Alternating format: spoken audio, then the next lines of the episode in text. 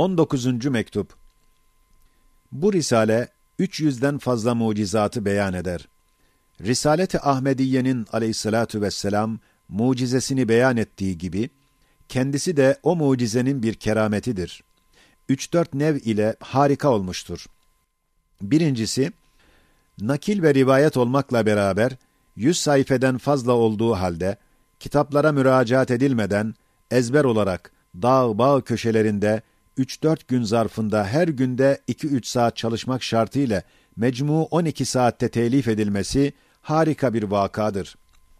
İkincisi, bu risale uzunluğu ile beraber ne yazması usanç verir ve ne de okuması halavetini kaybeder.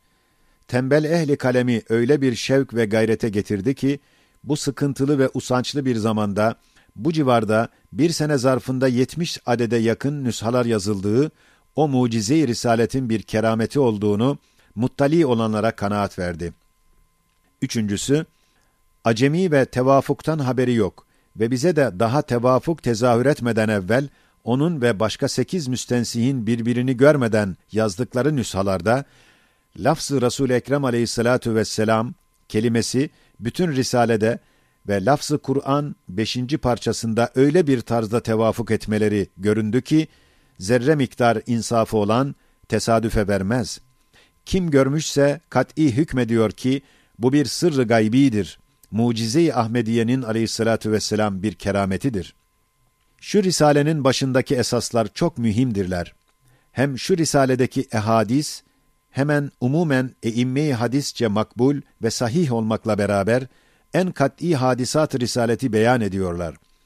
O risalenin mezayasını söylemek lazım gelse, o risale kadar bir eser yazmak lazım geldiğinden, müştak olanları onu bir kere okumasına havale ediyoruz. Said Nursi İhtar Şu risalede çok ehadisi şerife nakletmişim. Yanımda kütüb-ü hadisiye bulunmuyor.